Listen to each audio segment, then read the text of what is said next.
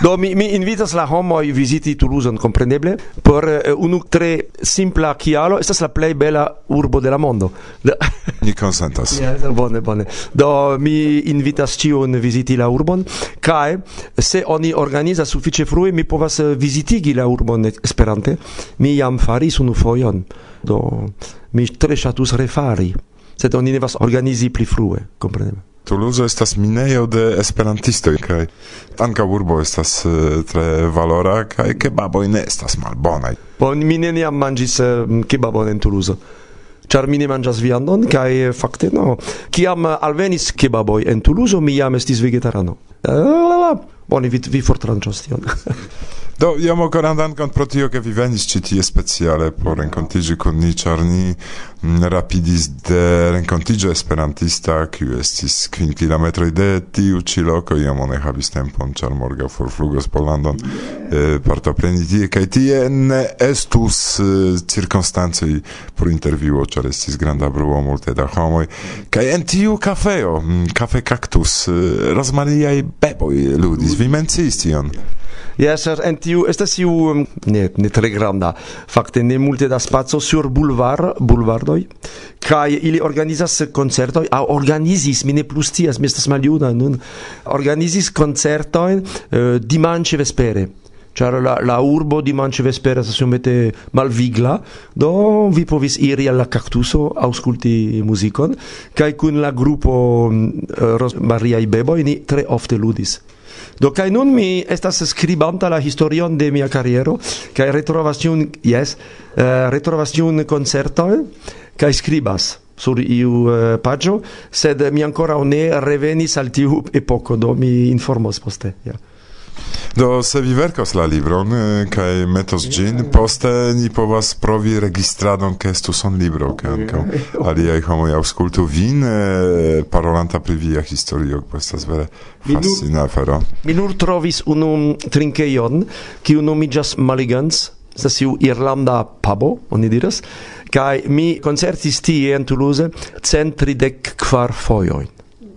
Yeah inter 1998 kai 2011. Yes, bone. Sed eh, en la Caskluso estis antaue, estas pli frue, imagu. Kiam ofte vi partoprenis semeoj? Por mi eh, en 2010 eh, ok semeo eh, prenis belan kaj grandan dimensioin, sed antaŭ estis nur uh, oni diris la semajno Esperanto ne estis tiel grava.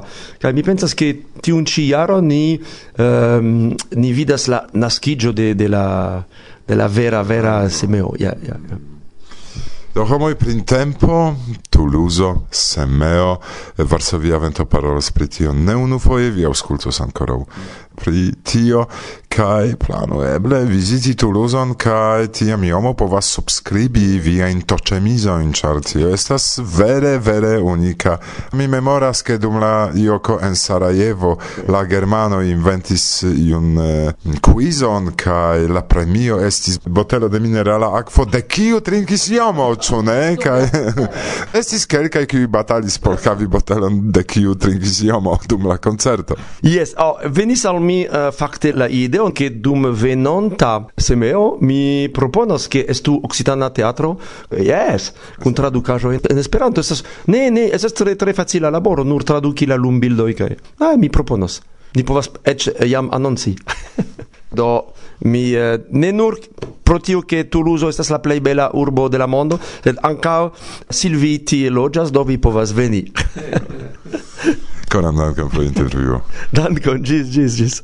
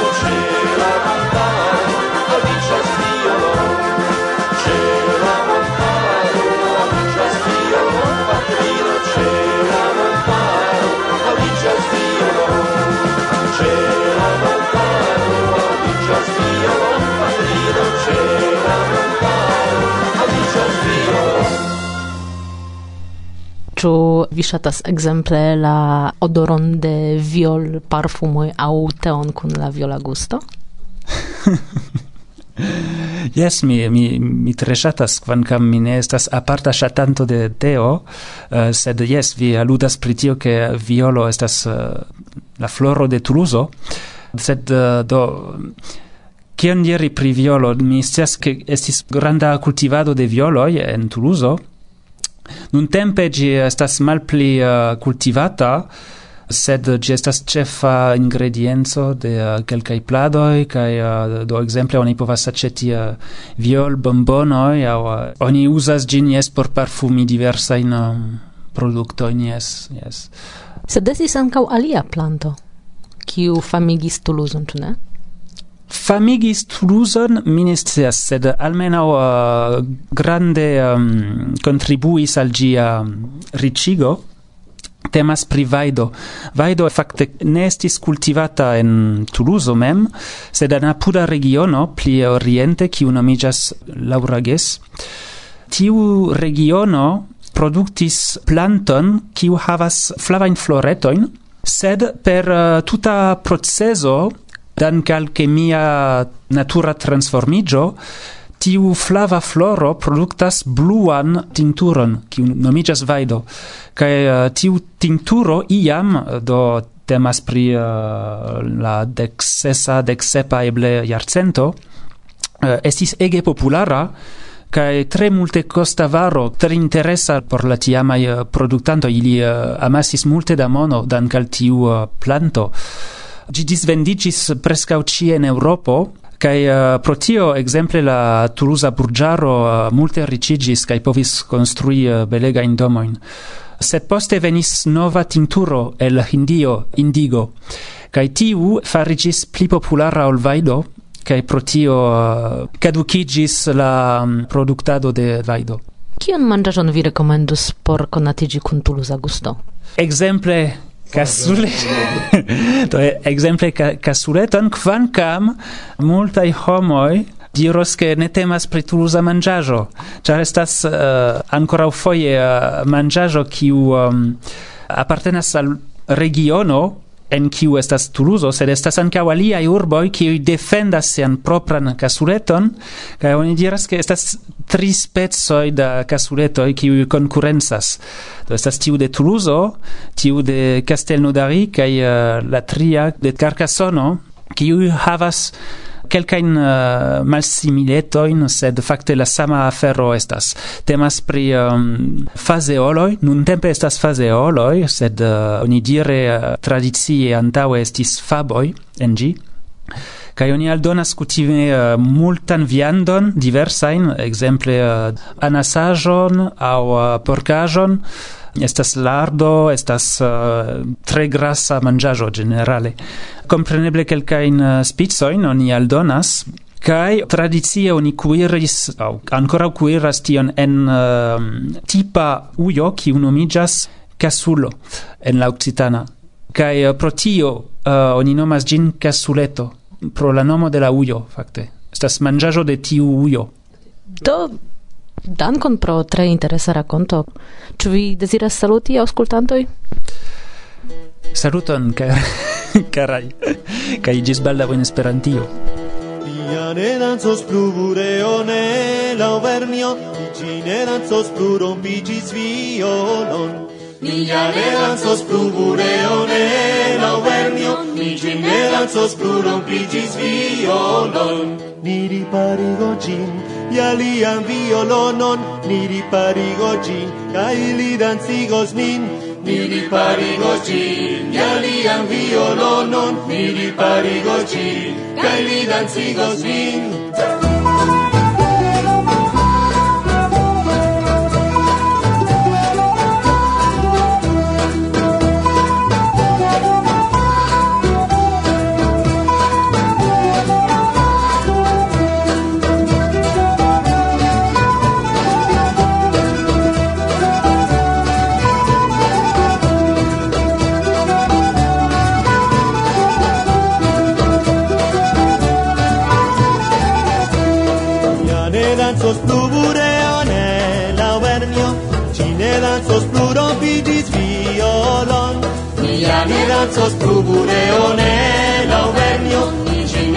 Sos bruron pigis violon.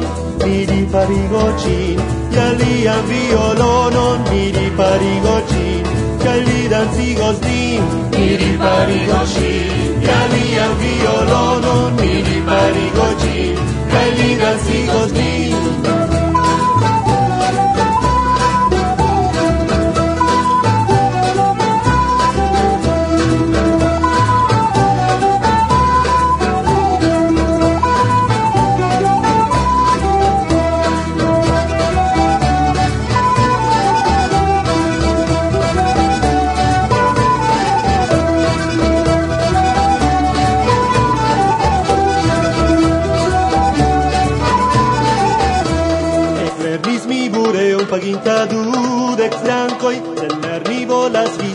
Hristos gia al vi. Ec lernis mi bureo pagita dudec francoi, se lernis volas vi san costos gia la vi. Ciu hore venu vi, venu ciam volos vi, sur placem venu vi, cae min trovos tie ci.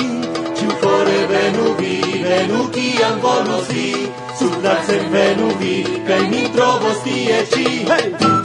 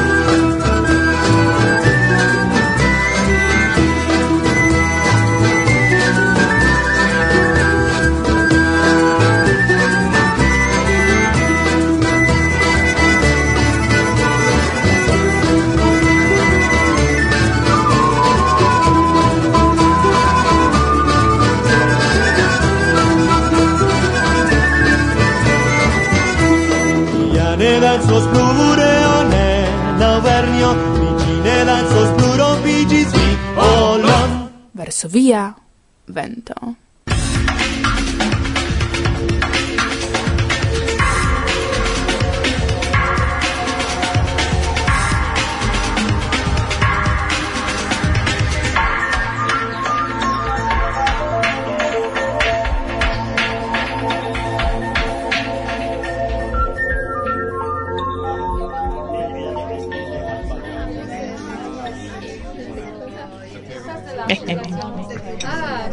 nun estas en Svislando. No,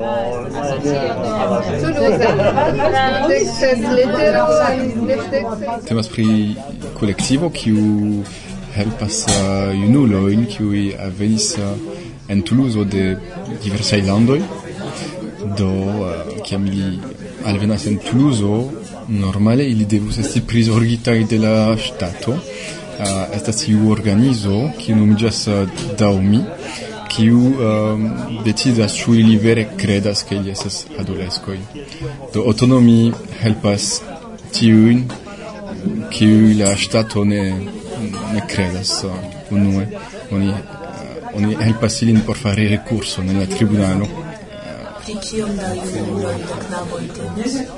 Do nuntempe almenaŭ cent, kiuj estas uh, tute neprizorgitaj, kiuj havas neniun rajton fakte kaj do la duono loĝas en uh, eh, iu okupata domo en la nordo de Tuluzo kaj alia duono ĉe uh, eh, gastigantoj kiel mi ekzemple yes, kaj do dum tiu ĉijara semeo uh, estis tago en la ŝapelo la temo ekzemple kaj uh, eh, tiu tago estis ankaŭ por subteni tiun kolektivon sed eh, krom ĉiu tago ankaŭ estis eh, renkontiĝoj inter tiuj junuloj.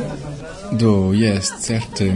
Uh, do dum semeo estis ankaŭ tiu instruista projekto kaj uh, kadre de semeo kaj de la instruista projekto ni iris instrui en la rifuĝejo. Exacte. qui est local, qui est le prépare, qui est le constitue au cas. Jessie est très bonne, je pense que multi homo de la projekto tute ne eh, sciis kiel okazus kaj eble iomete timis kaj finfine multaj el ili estis tre kontentaj ni preparis multajn eh, ludojn ekzercojn tre amuzajn kaj por comenzanto, jes, por conigi iomete la, la bazon de la lingvo, kai yes okazis tre bone la homoj surloke estis tre lernemae eh. kaj do nun la sekvo? Do la sekvo. Estis pluraj junuloj kiu estis tre interesitaj. Kaj ekde venonta semajno mi volas gvidi kurson en la rifuĝejo kaj jam kreiĝis uh... WhatsApp-grupo, ĉu ne? Yes, yes, Esperanto-autonomiam uh, eh, ekzistas, kaj do kelkfoje ni interŝanĝas kelkajn eh, uh, mesaĝojn en la franca kaj en Esperanto. Kaj do, jes, mi, mi vere volas, ke ili daŭrigu kaj ke ili bone lernu la lingvon kaj kai post uh, la fino de la monato okazos renkontiĝo en la Pireneoj, la krokodila renkontiĝo kaj eble du aŭ tri el ili povas partopreni se ili vere emas. Hmm. Yes. Kaj ankaŭ por vi estos okazo praktiki vian kion vi lernas en tiu. Yes, certe mi mi vere ĝojas ke mi havas tiun okazon uh, instrui uh, tuj post tiu uh, instru sesio.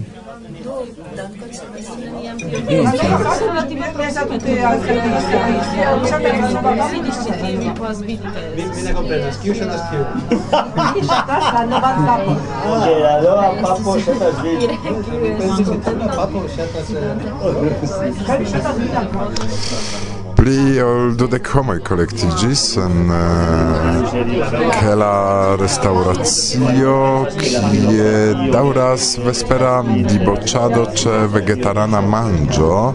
Eh, uh, pardono, Kristoforo, ĉu vi scias ion pri la loko, en kiu ni estas? Ĉu estas iu tradicia aŭ homoj ŝatas kolektiĝi ĉi tie? Estas sufiĉe populara restoracio en Tuluzo, jes, estas vegetara restoracio kiu ekzistas jam Uh, dudek jarojn, mi kredas. Uh, eĉ ekzistas pluraj fakte kiuj uh, nomiĝas uh, ĝuste tiel la fin de Ariko estas uh, vortoludo fakte. Mi ne scias kiel traduki tion en, en Esperanton. Sed uh, jes estas populara loko jes. Ĝi aspektas tiel ke estas granda bufedo vi povas preni teleron eh, pro telero vi pagas ne pro la enhavo. Kaj vi elektas kion vi deziras eh, fakte manĝi kaj estas bongustaĵoj desertoj poste ĉu ne? Kaj vinon oni povas mendi bieron ĉu? Jes jes mi tre ŝatas la lokon oni tre bone manĝas, do estas uh, tre bongustaj manĝaĵoj kaj uh, la prezo estas relative bona ankaŭ do yes. la etoso ĝenerale plaĉas al mi. Do la etoso post uh, tempo manĝo, ĉar nuntempe homoj distre simple etosumas, babilas, renkontiĝas parto post streĉaj laboroj pri Erasmus, post trejnado pri instruado. Do dankon! Dankon! hablando de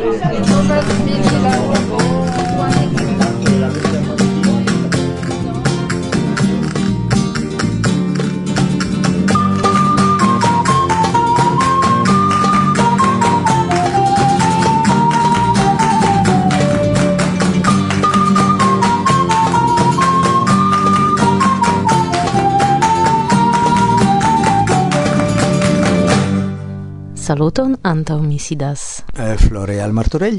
Vi partoprenis semeon, ĉu ne? Iu sense yes, do eh, mi partoprenis semeon eh, por la tecnica flanco, eh, por la organizado de la spectaclo, cae ancao por partopreni en la prelego pri la retirigio rilate alla hispana por fuggio de la republicanoi post la perdo de la milito en Hispanio, la civila milito en Hispanio. Kial pri tio vi parolis? Oh, do simple mi parolis pri tio, ĉar uh, eh, mi estas filo de eh, uh, i fakte, kiuj fugis post la venko de Franco, uh, do kaj ili venis en Francion por vivi, ĉu ne? Se ne ili estos mortigitaj. Fakte vi parolis pri via familio. Yes, sed tio estas la caso de multaj familioj, ĉar venis duon miliono da hispanoj, katalunoj, kiuj trans eh, iris la landlimon kai compreneble tio estis amaso da homoj kiuj venis dum tri semainoi kai do fransoi acceptis ilin uh, sur strandoi kun eh, uh, dratoi kai sablo simple por shirmi sin vi mencis ke vi kontribuis ankaŭ pri spektaklo. Kiu estis tiu spektaklo? Do fakte kiam oni organizas eventojn en Tuluzo, la fakto ke Euroka estas muzika asocio kiu estas ankaŭ kunlaboranta kun la Esperanto Kulturcentro en Tuluzo, ni klopodas ĉiufoje kiam estas eventoj kiel semeo aŭ aliaj aferoj tiai programi spektaklon Do ti ci foie ni organizis spektaklon kun eh, kai tiel plu, kiu estas eh, bando kiu venas el Barcelono. kai do estis eh, tre bona okazo por paroli pri char en la temo temis pri migrado kai tiel plu kai en la canto de kai tiel plu estas ankaŭ canto de la hispana civila milito do kai la ligo estis tre forta kai tre oportuna estis tre bona electo por tiu evento sed estis ankaŭ nekutima afero kaj ili venis eh, sesope do nekutime oni povas vidi kaj tiel plu tiom multnombre ĉu ne? Yes, do, fakte, mm, um, kai tiel plu estas uh, adaptema laula circunstansoi, kai la la disponeblecoj de la diversa artisto do la bazo estas ki oni vidis ĉi semajnfine dum semeo estis sabate la dexepa. Ili venis sesope pli ofte ili concertas se pope kun um, Anna. Sed uh, Anna estas graveda kai oni attendis acushon en tago dum de la concerto. Do pro tio si ne povis veni. Do si estas la percutistino. Percutis uh, satau si Elena kiu ankaŭ perkutas kutime, sed do ne estis eh, cajon, ne estis aliaj perkutiloj kiujn uzas Ana.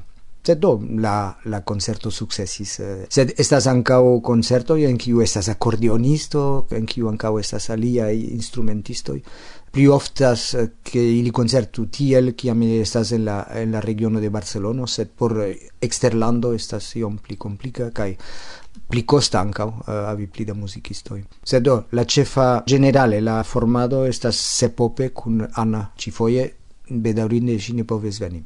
Sed do, ni giuis tamen la concerton tia maniere. Ciam vi malcovris eh, Cotopo? Ah, do, kaj tiel plu, fakte, ni malcovris jam de, de suffice longe, kiam ni eh, kunlaboris kun la Kataluna Asocio en diversaj eh, interŝanĝaj kongresoj, ĉar okazas eh, ĉiun du aŭ tri jarojn Kataluna, do ni diru Transpirinea Kongreso, en kiu partoprenas la Kataluna Asocio kaj ankaŭ la Mespirinea Asocio.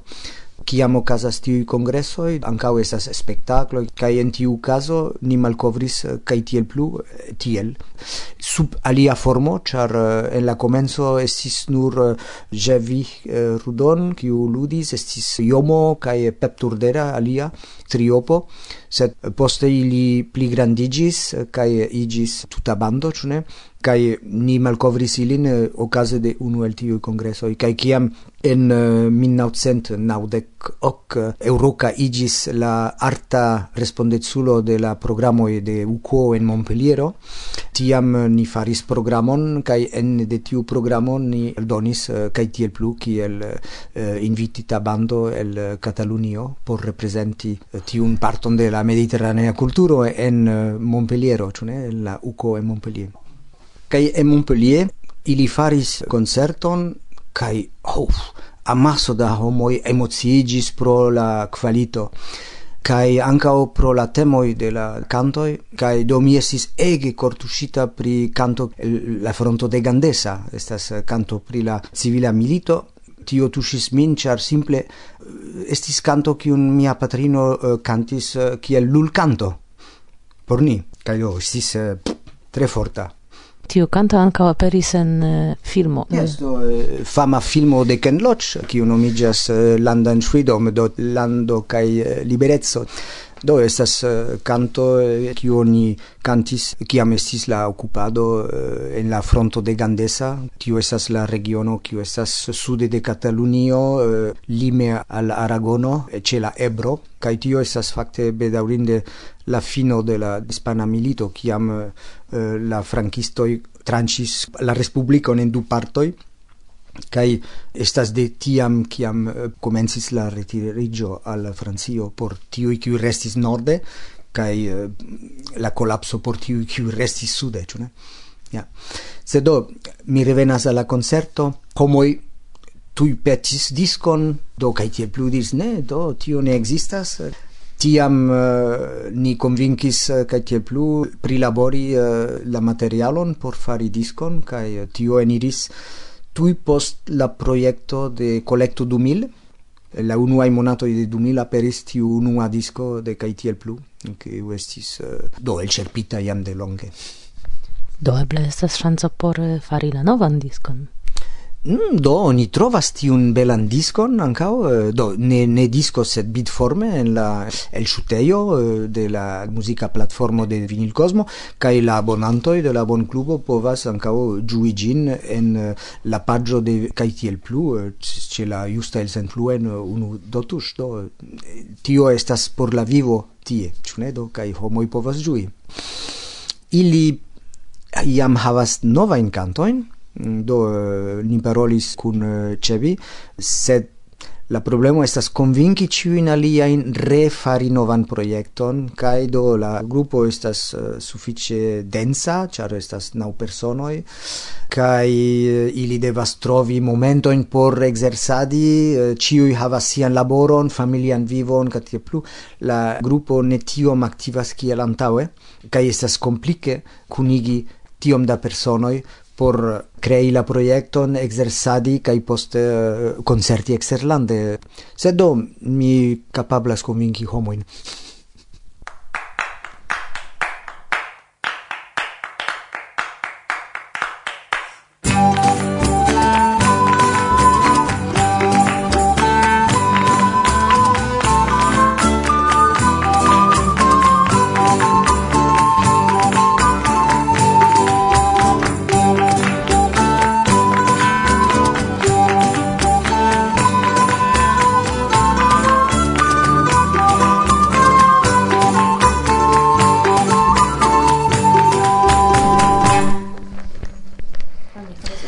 Kai jen, ni venis al fino de la neta sonraporto pri pli ol semajna popularigado de Esperanto.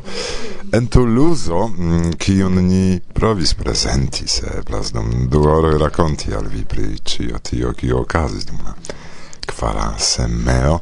Certe eblis al vi aŭdi voĉojn de la esperantistoj, sen kiuj la evento sendube ne okazos, voĉoj de homoj, kiuj ankaŭ pro aliaj aktivecoj bone rekoneblas en Esperantujo, kaj kiujn sukcese kolektis al la kroma aktiveco la ĉeforganizantino Marion. Multe ni parolis kaj parolas pri popularigado de Esperanto. Ĉi tie mm, en Tuluzo tiun popularigadon ankaŭ ni iel partoprenis, ĉar ciam helpas ce esto de exterlandanoi dum tiu ci speca agado. Pripensu do kion vi faros printempe la venonta jaro. Bone.